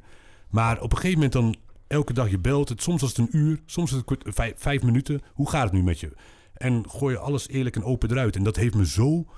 Ja, ik ben zo dankbaar daarvoor. En nu bel ik hem niet meer dagelijks, maar eh, zeker één of twee keer in de week. Hm. Iemand die ik helemaal niet kende. Hè. Nu zijn we, is er gewoon een vriendschap ontstaan. En, dat, en ik denk dan elke keer, ja, dat jij dat elke keer voor mij wil doen, weet je wel. Maar hij zegt, juist jij helpt mij ook weer in mijn herstel. Oh, wauw. En eh, ja, ik, ik heb zoveel geleerd van hem. Ik heb tig psychologen, psychiaters, eh, verslavingsartsen, klinieken bezocht, dit en dat, zus en zo. Maar één persoon die dus in hetzelfde ehm, ja, ding zit als ik, die heeft mij, weet je, veel meer geholpen veel meer kunnen steunen dan al die mensen van die, van die reguliere eh, zorg. En uh, het is geen slecht woord over de psychologen en psychiaters, maar ervaringsdeskundigen blijken dan toch Ja, wel we, beter meer, we hebben meer broederschap nodig, man. Ja, ja Meer, dat eh, is, is zo. Dat, ja. Want ik vind het heel mooi eh, wat jij net zei over dat... een- jij noemde het buddy. Eh, die je dan... eh, Geestelijke be- begeleider, Ja. buddy, mentor. ja, precies. Maar het Maakt ook, niet uit hoe je... ook met dezelfde doel van dat je in ieder geval je hart kan luchten... en open en eerlijk kan zijn wat, wat, wat je dwars zit. En dat kunnen soms dingen zijn die je eigen eh dierbare of je vriendin niet eens weet. Maar ehm, ja, juist omdat en dat je het in ieder geval kan hoe heet het, ventileren... of in ieder geval kan, je hart kan luchten... blijft het niet hier binnen zitten. Hm. Want het stapelt zich alleen maar op. En dat, dat is ook weer een trigger om weer in gebruik te vallen. Of weer dingen te doen die je eigenlijk niet wil doen. Ja. Hey, ehm, wat was nou voor jou, de, ik was nog even benieuwd, wat was nou voor jou de trigger om te zeggen, hey, ik moet nu echt naar zo'n meeting, zeg maar. Nou ja, ik ben eh, vijf jaar geleden kwam ik iemand tegen op straat die ik kende. Van, die stond altijd vooraan als hooligan. Weet je wel, eh herdershonden die in zijn benen vastzaten. Echt, de gast die was, laten we zeggen, een van de grootste wouzen van, eh, van Zwolle. Echt een mafkees. En eh, ik kwam hem dus eh, tegen op straat en zag er heel gezond uit. En dat was het meest bijzondere. Heel gelukkig. Weet je, hij straalde gewoon geluk uit en blijdschap. En ik zo, hé, hey, hoe is het met je? Ik zeg, ja, ja, ik zeg, gaat wel, eh, weet je wel, af en toe nog steeds terugvallen. En hij zegt, ja, kom eens een keer langs bij een meeting. Dat was vijf jaar geleden. En dat was dat stemmetje dat in mijn hoofd, dat zaadje wat dus al geplant was toen. En Stix zei mij, na de laatste detox, als jij nu weer verder gaat met wat je ook daarvoor deed, beland je in de nabije toekomst weer in hetzelfde ding. Ja, het heeft, je hebt er een mooi spreekwoord voor, van een herhaling van zetten Ja. of een herhaling van stappen is een zoiets. Eh, snap je wat ik bedoel of niet? Ja. Dus als je gewoon weer verder gaat, terug, ja. Ja, dan gaat het uiteindelijk toch weer fout. Dus je moet kijken of er iets anders is wat jou kan helpen. En die twee dingen bij elkaar zorgden ervoor dat ik eh, over die drempel van die meeting ben gestapt. Gewoon helemaal vrijblijvend. Je hoeft geen inschrijfgeld. Het is gewoon, iedereen is daar welkom. Ook bezoekers mogen komen. En eh, ja, daar is dus een wonder gebeurd. Maar je had, je had in de tussentijd wel al een vriendin, kinderen. Ja, Is dat nooit een trigger geweest dat je zoiets had van... Goh, Ja. nu ga ik echt stoppen vanwege mijn kinderen ook. Ik wist zeker toen mijn eerste mijn Mac geboren werd, of tenminste toen mijn vriendin zwanger was, als hij geboren wordt, dan stop ik. Dat, was, dat, stond, dat stond als een paal boven water. Dat, dat kon, het rijmde niet samen met mijn leefstijl. En dat ging een paar maanden goed, weet je wel. En dan toch weer fout. Dus eh, je, ja, dat is moeilijk te omschrijven. Want ik denk, je moet het echt zelf vanuit, het moet echt vanuit jezelf Zelf komen. willen, Ja, ja. zelf willen. En ik wilde wel, maar het lukte mij niet Hmm. eh, om dat te doen. En dat, was, dat heeft mij ook. eh, daar, en dat, daar, daar schaam ik me kapot voor. Schaamde ik me kapot voor. En dat zijn ook weer triggers, weet je. Als je veel schaamte hebt en denkt, oh, wat heb ik gedaan, weet je. Ik heb Ja. toch gedaan terwijl, eh, terwijl ik een klein kind heb. Ja, dat is allemaal triggers die je weer in die visueuze cirkel Ja. naar beneden halen. Hey, ehm, je, je, je doet het al twee keer een soort van wonder, hè, wat Ja, daar gebeurde. Ja, ja. Ik wilde nog vragen, kan, kan, Ja. kan je daar iets meer over vertellen? Ja, nou ja, dat is dus eh, eh, het moment dat ik open ging staan eh, voor God. Anders kan ik het niet brengen. Want ik kan het niet anders omschrijven of beschrijven. Dus je zou in, in een way kunnen zien, zoals misschien jullie het eerder zouden zeggen, eh, dat ik het licht gezien heb. Mooi. Ja, ja, het Ja. was- het is heel bijzonder, want het, het is onverklaarbaar. Ik was echt, ik was al bij, ik was al eigenlijk op het level, ja, dat ik zou, dat ik het bijna omarmd had. Ik heb een probleem. Misschien in plaats van te strijden wat ik altijd verlies, moet ik het gewoon omarmen en moet ik het accepteren zoals ik zo ben. En ja, ik noem het elke keer gekscherend, maar het is eigenlijk helemaal niet eh, grappig. eh, dat ik een soort Herman Brood zou worden, weet je wel. Gewoon een soort, ja, Ja, nog 20, 30 jaar da- Ja, en, door, en, en dan dan- een keer het graf. Dus. ja, het graf in dit geval, ja. En want dat is precies, hè, dat is ook weer het grafgesticht of gevangenis. Ehm, ja, en dat die meetings in mijn eh, leven kwamen, dat zaadje dat al vijf jaar geleden geplant was. Ik in, over die de drempels van die meeting stap, in de ruimte ben en een uur later naar buiten stap en een soort van, ja, zeg, wat, wat dus, wat happened, weet je, wat, wat gebeurde er net, weet je, dat is, ja, echt bijzonder. En, en eh, kun je dat, wat, wat was het? Kun je dat nog terughalen? Je zegt het licht gezien. Ja, ook, ik, denk, ik vind het moeilijk te omschrijven, maar ik denk ook eh, dat ik, ik wilde van alles. Ik wil, ik wil, ik, ik, Ja. ik wil, weet je wel. Maar nu, eh, dat hoeft niet meer, weet je wel. Het is u wil geschieden, niet wat ik wil. Ik hoef niet meer die egoïst te zijn die alles wil wat hij wil, wat, wat ik wil doen. Snap je? En dat, dat, los, te- dat los te mogen laten en de wil, mijn wil over te mogen geven, zeg maar. Dat eh, is heel bevrijdend. Dus je hebt echt, ja, het gaat om overgave. Je hebt Ja. je overgegeven aan, eh, overgegeven aan iemand die groter is dan jou, zeg Ja, maar. Daar, ja. op dat moment eigenlijk al. Of Ja. daar iets van geproefd. Ja, daar zo zeker wat Ja. van geproefd, ja. Ja. Bijzonder. Hey, en, Ja. en wie is dan die persoon voor jou? Wat, wie, Ja, het, het grappige is... eh, sorry, ik klap- tik elke keer Helemaal iets niet aan. uit. Ja, Het bijzondere is, eh, eh, zoals dan daar eh, verteld wordt... je mag je hogere macht overal in vinden. Sommigen doen dat, en dat is geen grap, in hun linker schoen. Want dat is het eerste been. eh, de schoen die ze aantrekken als ze uit bed gaan. Mm. Ja, eh, boom, een oude eik, je kinderen. Maar voor mij is dat eh, gewoon mijn hogere macht, is voor mij gewoon God. Ik heb eigenlijk vanaf dat ik, ja, van, ik heb altijd in God geloofd. Hmm. Bij mijn puberteit, misschien horen jullie dat wel vaker, heb ik hem helemaal verloren. Toen dacht ik, was ik ook echt een soort bijna anti, als, dat, als je dat kan zeggen, anti-God. Ik heb het woord nooit gehoord en het is ook niet, het is ook niet een mooi woord. Maar dus, tenminste, ik geloofde er niet in toen. En later kwam hij toch wel weer eh, terug. Het, ik zal het heel kort houden. Ik ben... eh, niet uit, eh, vertel Oké, maar nee, ik ben christelijk opgevoed. En nee, ik ben gedoopt. wat was dat weer? ehm, hervormd. Ja, kan. Ja? Ja, ja Zwolle zitten best wat hervormde, ja. Nou ja, ik kom Ja. uit Harderwijk. Hè. Ik kom uit Harderwijk. Harderwijk. Nou ja, daar ook. Ja. en eh, mijn eh, stiefpa kwam op mijn elfde in mijn leven eh, in Nederland wonen. Hij kwam uit Tunesië en die is moslim. Mm. En daar heb ik ook heel veel van geleerd. En op een gegeven moment, toen ik dus in mijn puberteit kwam en begon te smoken, maar even los daarvan, in mijn puberteit kwam en ik had, weet je wel, een man die dan in mijn leven stapt, die geen woord Nederlands kon. Er stonden op tafel stond een bordje met tafel op de deur met deur, zodat hij zo snel mogelijk de taal op zou pakken. Die mij even de les ging leren en die ook nog eens zijn geloof met mij met zich meebracht en waar ik ook naar moest handelen. Dat ging ook eh, best wel eh, ver tot op een gegeven moment totdat ik echt heb gezegd: hier stop ik mee, dat wil ik niet. Ehm, werd ik een soort, ik kreeg in één keer een hekel eraan, weet je wel. Ik had hekel aan en dan ging ik ook ehm, redenen gebruiken van, ja, christenen oorlogen met moslims, weet je wel, in het verleden. En die geloven botsen alleen maar. Het is niet goed dat het er is, want er is alleen maar ellende door, weet je. Ik ging het heel erg zwart-wit bekijken. Eh, en hoe ik daar nu in sta, dat kan ik niet zo goed. De- weet je, ik heb het, dat heb ik helemaal losgelaten, persoonlijk. Eh, maar God, weet je, de, de, de, de Almachtige die, de, die eigenlijk daar helemaal boven staat. Want ik ben ervan overtuigd dat wij allemaal in, hetzelfde, in dezelfde God eh, ge- geloven of mogen geloven. Eh, dat is voor mij belangrijk. En die, daar geloof ik in. Zo. Hey, Is dat- en, ja, eh, snap je het? Ja, heel mooi man. Oh, oké, heel oh. mooi. Ja, ja, want ik vind, het, ik vind het knap dat je... Kijk, als jij vraagt aan mij wie is God voor jou, zeg ik gelijk Jezus. En ik heb dat al helemaal ingevuld. Mhm. En ik vind het mooi dat jij dat... um, je geeft echt aan, ik ben zoekende, maar je weet wel dat er een bron is. Ja, En je bent, je bent verbonden met die bron. ja, En wat alle uh, zijtakken zijn, hoe je dan op een gegeven moment um, je weg vindt naar, oké, maar hoe zou ik het noemen, of wie zou het uiteindelijk zijn, of welke stroom zou ik uiteindelijk ingaan. Ik vind die reis vind ik mooi en dat je daar heel bewust van bent, dat vind ik knap. Want he- sommige mensen weten het niet. Die zeggen, ja, ik geloof wel in niets, iets groters, maar wat het is, ja, daar blijft ze dan bij. ja, En jij bent op een journey en je bent echt ja. op zoek en echt aan het kijken, oké, maar um, je neemt dingen mee van je verleden, dingen die je nu meemaakt. Ik vind dat super mooi. Ah, Ja. ja. dank je. Ik vind het ook mooi hoe je dit ook weer terugkoppelt naar mij, weet je. Het is voor het eerst dat ik die terugkoppeling krijg. En ja, zo voelt het ook. Ik ben inderdaad op die journey en ehm, ja, het voelt alleen maar goed. Het, ja, dat, ja, nogmaals, dat is, dat is er gebeurd, zeg maar, ontstaan vorig jaar. En, en ik, ik wil daar een beetje dieper op ingraven inderdaad. Want ik vind, ik vind ook eh, iets heel bijzonders. Van je zegt hè, van je hebt een wonder meegemaakt. Je spreekt over overgave. Nou, je bent vijf jaar verder en eh, het gaat goed. Wa- waarschijnlijk ook een strijd nog steeds.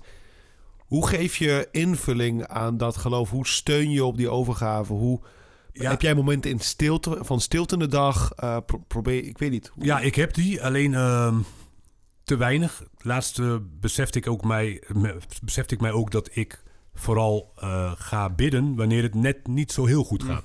Weet je wel, zo van, ah, rotdag. Weet je, en dan, en dan ga ik op een classic. ja. Ja, ja, precies, precies. En toen dacht ik, oh, dit is wel dus wat ik nu doe. Hè. Hij is er altijd.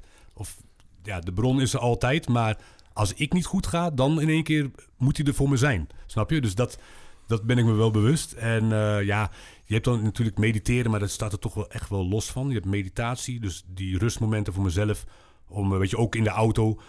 Eh, dat ik soms gewoon het- de muziek uitzet. Ik ben wel echt een muziekfreak, dus staat meestal aan. Maar doe ik het even uit. ik kan het, je kan overal vijf minuten eh, naar, je, naar, gewoon naar jezelf toe gaan. En dat, die rustmomenten zijn zo belangrijk. Zeker in de wereld waar wij in wij leven. En dat besefte ik ook maar pas eh, toen ik dus dat ging doen. Dat ik, ook bij, de, ook bij de, de meetings dat je drie minuten stil moet zijn. Maar dan kom je in één keer tot in een rust. Ja. En met bidden is het hetzelfde in a way. Alleen dan praat je met God. Ja. Hm. En met mediteren doe je dat niet. Toch? Zo. Maar dat praten met God, dat heeft wel, dat, dat is dus wel iets wat je doet af en toe. En vaak als het moeilijk gaat, dat geldt voor mij eh, ook, ook vaak. Eh, maar dat, dat biedt je wel een soort van, ja, dat biedt je wel. Je kunt het dan ook ergens bij iemand weer een stukje kwijt. Je kunt een, Ja. stukje, een stukje overgave weer vinden. Ja, ja. Ja. en dan hoef je dus ja, niet zelf te houden. Ja. En, en, en even terugkomend op ehm, wat jij net zei met de buddy. Eh, dat is dus, je hebt dan iemand op aarde waar je alles aan kwijt kan. Je hebt God.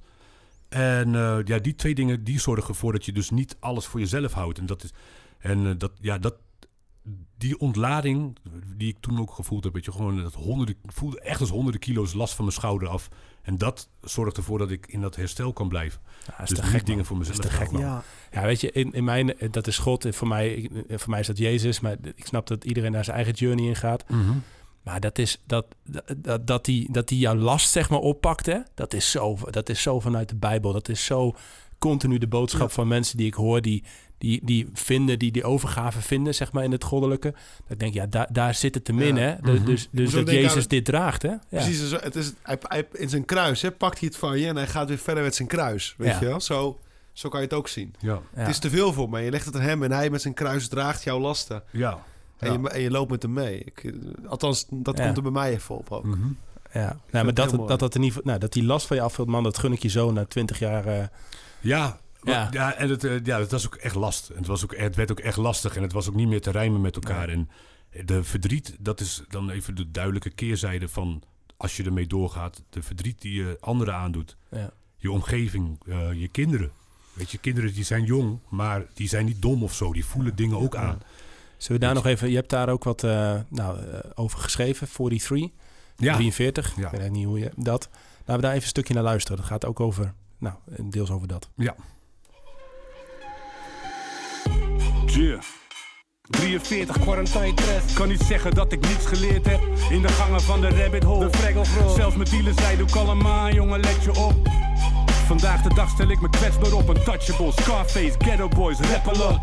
Heb een lot te verliezen, vertrouwen te winnen. Het is een beetje crisis hier binnen. Bij mijn vrouwtje sta ik heavy in het rood. Lucifer is in de buurt, de hele koude schuur stinkt naar rook. Nu ik niet meer drink en smoke is de lucht helder Zie ik degene die ik teleurgesteld heb Schaamrood op de kaak Maar ik kan niet blijven hangen in het schuldgevoel is veel te veel gedoe Ik steek mijn energie in nu En nu is het goed, is het goed En nu is het goed Ja, mooie tekst. Als ik het nu zo terug hoor in, in deze context, eh, weet je, het klopt helemaal. Ik voel ook precies alles wat, elk woord wat ik zeg. Het, het hele, dit verhaaltje klopt. Ja. En dat is ook een ding, dat wil ik ook nog even benoemen. Ik heb altijd gedacht dat ik creatiever eh, was als ik iets genuttigd had. Ja. Weet je, je, zegt, je hoort wel eens mensen zeggen, er gaan klepjes open. Je, je komt op plekken in je hoofd waar je nooit geweest bent. Zou best wel eens kunnen hoor, dat dat zo gebeurd is. Of dat dat wel eens een keer het geval kan zijn. Maar niet als je dagelijks dat gebruikt, weet je wel. En eh, dat was bij mij al lang niet meer zo. Maar iets zei me elke keer van ja, weet je, ik kan niet creatief zijn zonder Ja, iets te hoor nuttigen. ik vaker van artiesten. Ja, maar dat is dus nu Dat kan ik echt, Ja. dat is dikke bullshit. Daar ben Ja. ik nu gelukkig achter gekomen. Want deze plaat is dus helemaal, ja, ik, ik rook dus ook nog wel en ik drink koffie. En ik zie koffie zelf niet als een geestverruimend middel. Maar eh, eh, Ik, deze... ik wel trouwens. Oké, nee, dat, dat mag, dat mag. grapje. Oh, oké. Nee, nou ja, goed. Nee, sommigen zien Nou, het wel. hal- half grapje. Ik heb mijn ochtend mijn koffie wel nodig om even wakker te worden. Ja, precies. Ja, ja, ja, in die zin. Ja, nee, oké. Maar eh, geen, geen middelen meer. En eh, ja, ik ben, dit is mijn beste werk ever. Weet je wel, verder weg. Ja, het is echt, Vind gaaf, echt een dikke plaat, man. Elk, oh, dank je. Nee, en, ja, echt. Ja, ik ken het helemaal nog niet zo heel goed, moet ik eerlijk zeggen. Maar in de voorbereiding, zeg maar, op dit gesprek... Ja, dit is, ik ga hem vanavond alleen maar eh Ja, op- op repeat, man. Maar, ehm, eh, anyways. Maar je zegt ook, joh, schaamrood, schaamrood in dat nummer, schaamrood op de kaap, Ja. kaak. Want, maar ik kan niet blijven hangen in het schuldgevoel. Is te veel gedoe. Ja, Ik steek mijn energie in nu, Nu. en nu is het goed.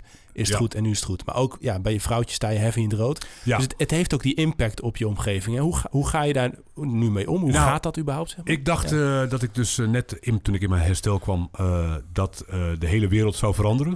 Weet je, dat iedereen mij in één keer zou vertrouwen. Ja, Rico, dat, je bent goed bezig, man. Al drie weken clean, weet je wel. Dus dat, dit gaat helemaal. En dan kom je erachter hoeveel pijn je de mensen hebt gedaan en hoeveel verdriet. En hoeveel wantrouwen, ja, hoe laag het vertrouwen is van in dit geval mijn eh, vriendin. En nu nog hoor, dat eh, als er eh, oliebollen op tafel, of ik maak oliebollen klaar en er blijft wat poedersuiker op, de, op het aanrecht liggen, dan, als je haar gezicht ziet dan, weet je wel, ze schrikt zich wezenloos. Ze denkt dan echt, Oh, weet je wel, dus dat zijn die, die, die, die, die, die naweeën die je dan hebt. Gewoon een jaar later nog. Hmm. Ze zegt, ach, het is poedersuiker. Ik dacht echt even dat je, weet je wel. Rico, even daarover. Hè? En, en ik weet, ik weet niet hoe, hoe, hoe diep je erop Nee. ingaan. Maar ik wil je toch even die vraag stellen. Je vriendin heeft je niet in je steek gelaten al deze jaren. Nee, dat, eh, Want dat lijkt me, met alle respect, lijkt me wel wonderbaarlijk. ja, dat is Want het ook. zij was wel op de hoogte, Ja. vermoed ik, van wat er met je gebeurde. Ja, dit gesprek hebben we wel vaker gehad. En zij zegt... Ja, hoe moet ik het omschrijven? Ehm, ehm, ja, ze had duizend keer al weg kunnen gaan. En er waren al zeker wel duizend situaties geweest waarbij zij eh, had kunnen denken. Maar zij ziet het ook een beetje dus dat zij ook deel is van mijn geweest is van mijn probleem. Doordat ze bij mij bleef. Dus doordat ze bij mij bleef, bleef ze me eigenlijk steunen. En dat, eh, ja, dat is heel moeilijk, want dat, ik, zo zie ik het niet. En ik kan me wel voorstellen dat zij het zo ziet of kan zien. Maar zo zie ik het niet. Ja, dat, is- ja, het is Ze is in ieder geval bij je gebleven. Dat is bijzonder. Ja, ze houdt gewoon heel veel van je, toch? Ja, Ja. Dat, ja, precies. Ja, heel veel. Ik ja, bedoel, ja. eh, Ja, ik bedoel het ook heel positief. ja, nee, nee, precies. Ja, ja, ze is wel bij me gebleven. En, en dat, ze zegt ook, eh, en dat is het ook, de verslaving, ik ben niet de verslaving, weet je wel. De verslaving is een onderdeel van Een ziekte, hè? Ja, een ziekte. Het is echt een ziekte. Eh, maar eh, achter de verslaving schuil ik. En ik, Rico, ben een goed, lief, eh, weet je wel, eh, open, vriendelijk eh, mens die humor heeft en ja, gewoon een, ja, gewoon een goed mens. Hey, en, en hoe, want ehm, die naweeën zijn er dus nog wel. Hoe Ja. ben je nu, hoe ben je die relaties in je leven misschien wat aan het herstellen? Hoe gaat dat? Lukt dat om dat te herstellen? En hoe Ja. doe je dat? Het lukt zeker. Ehm, ja, ik, dat doe ik vooral om door hard aan mijn eh, programma te werken. En het programma is, ja, noemen ze 12 stappen programma. Eh, het bidden, het mediteren, eh, met mijn sponsor in contact blijven.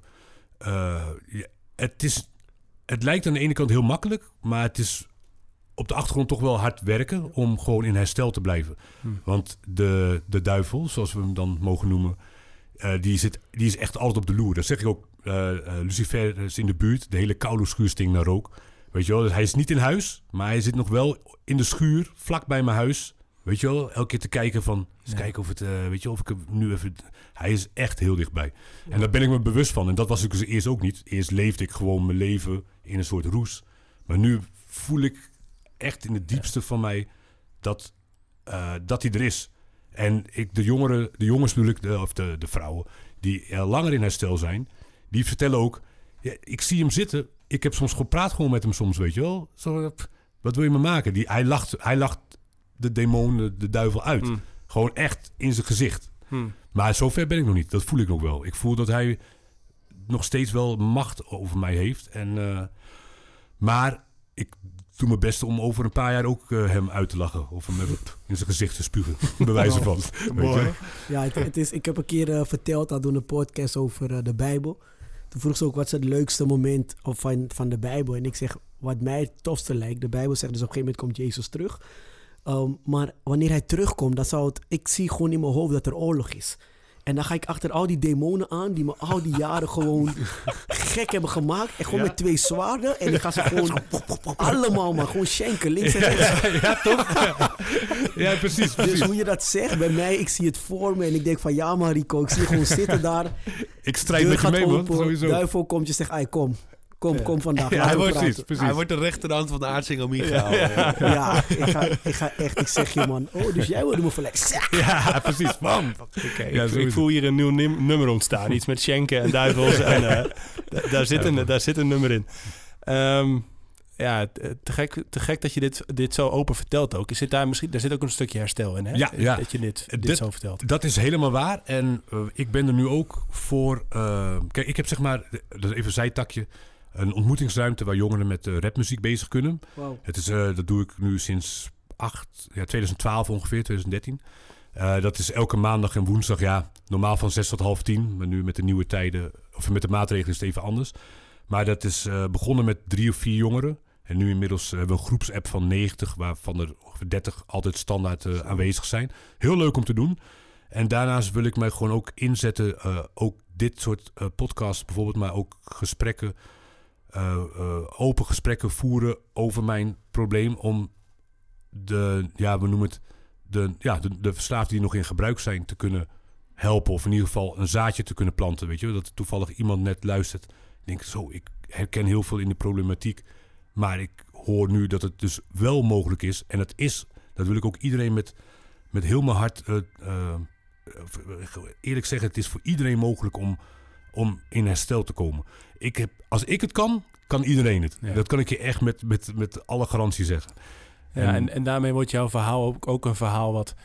ehm, waar, an, waar, waar, waar- anderen zeg maar, zich aan kunnen relateren. Juist, ja, ja. En dat, en dat, weet je, eh, soms is, kunnen de verhalen van mensen die aan harddruk zitten en zo kunnen ook een beetje far van je bedshow zijn. Hè? Van hey, da- dat. Mhm. Maar je maakt het heel menselijk en begrijpend. En ik denk dat we, wat we waar we ook al in, zeg maar, in de zoektocht naar goed, beter, best altijd Ja. op zoek zijn. Dat als je zegt, joh, zorg er nou voor dat je buddies hebt of sponsors of whoever je het wil noemen, zeg Mhm. maar. Dat het in het open is, dat het naar God, dat je een verbinding naar God hebt, hè? Dat, dat die je kan helpen dragen. Mhm. Ja. Nou, dat je, dat je iets doet waar je, eh, je- jij doet iets voor die, voor die jonge gastjes en, en je bent bezig om je verhaal te vertellen. Dus dat je iets, Ja.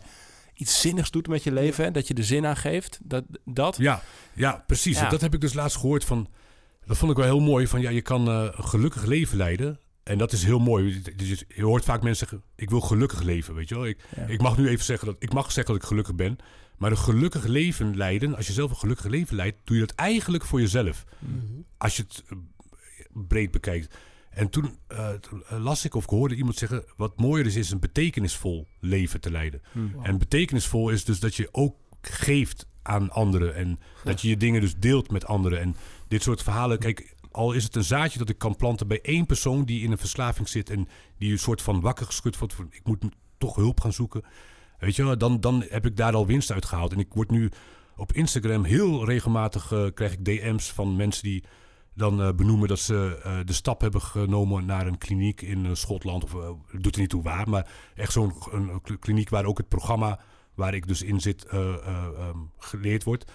En ja, ik denk dat ik wel contact heb met een man of 10 à 20 regelmatig op de DM zo van hoe gaat het nu met je? En zo ja het gaat goed en ik ben echt weet je dat ik eh, dat dit raakt me ook emotioneel erg maar dat die mensen ik ben echt weet je ik waardeer het heel erg dat je mij weet je af en toe een tekstje stuurt en eh vraag hoe het met me gaat weet je wel ik, ik zit nu dan een paar weken hier oh, en het gaat langzaam eh, zeker wat beter met me.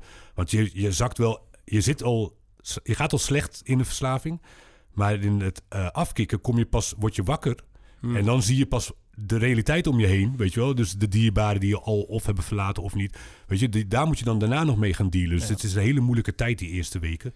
En eh, ja, zo'n klein berichtje kan dus al heel veel doen. En ik doe dat met heel veel liefde, maar ik, heb er ook, ik wil dat ook heel graag, weet je. Ik wil ook weten hoe het met Ja, hem is. ja, ja. Oprecht weten. En het is niet zo vanuit de liefdadigheid. Ik wil dat gewoon graag. Ja, dat heeft betekenis. Ja, het Ja, heeft ik, betekenis. ik, vond het, ik moest even grinniken, want ik ben nu een boek aan het lezen en ik vind het fantastisch. Het heet The Second Mountain, Tweede berg. de tweede nee. berg. Ik weet niet of jij het hebt gelezen, maar Ja. het is gewoon, het is uiteindelijk ook niet heel complex, want het is een boodschap. Maar wat hij zegt inderdaad is dat heel veel mensen die focussen zich op de eerste berg.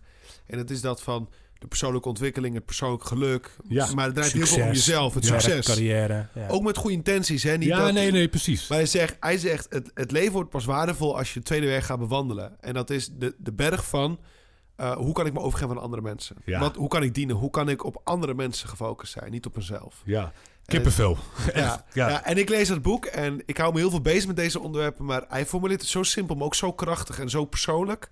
Ik denk, ja, verdraaid. Dat is gewoon helemaal waar. ja.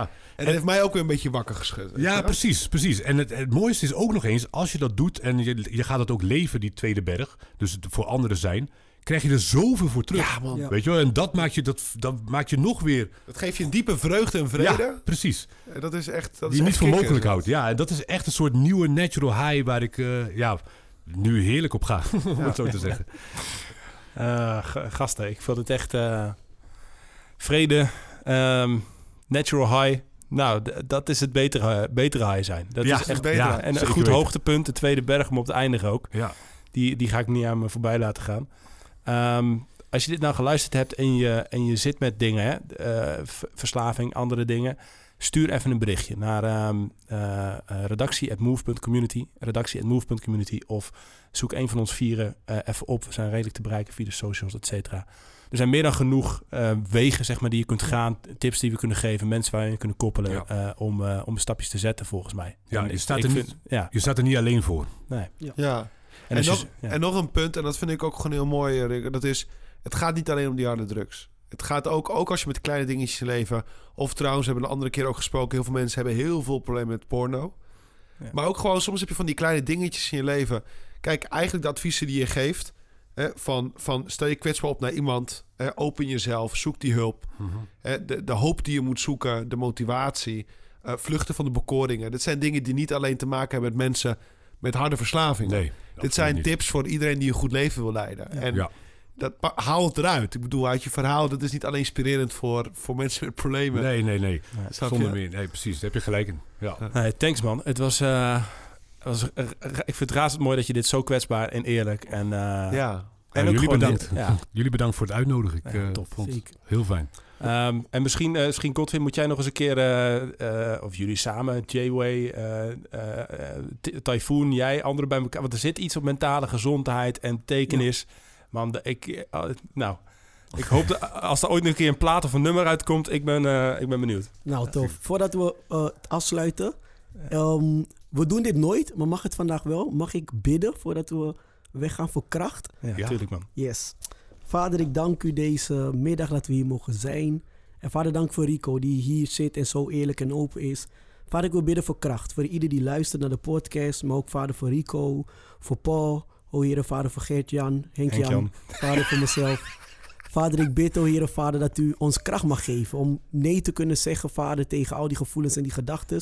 Maar nog mooier, vader, om de duivel te kunnen zien. En niet bang te hoeven zijn. Dat we weer de verleiding invallen en dat we weer kwetsbaar worden. Maar vader, dat wij echt kunnen zitten en kunnen zeggen: Dank u voor de kracht die u gegeven. En vader, dat we door die kracht de duivel in zijn oog kunnen aankijken en zeggen: Jij houdt mij niet voor de gek. Jij trekt mij niet mee en jij zal mij niet misleiden of verleiden. Vader, ik dank u daarvoor. En dank u dat wij uw kinderen mogen zijn. En dat we mogen zeggen: Ja, mijn leven is niet alleen het eerste berg, maar mijn leven heeft veel meer betekenis. En dat is inderdaad staan op het tweede berg. Dank u, Jezus naam. Amen. Amen. Amen.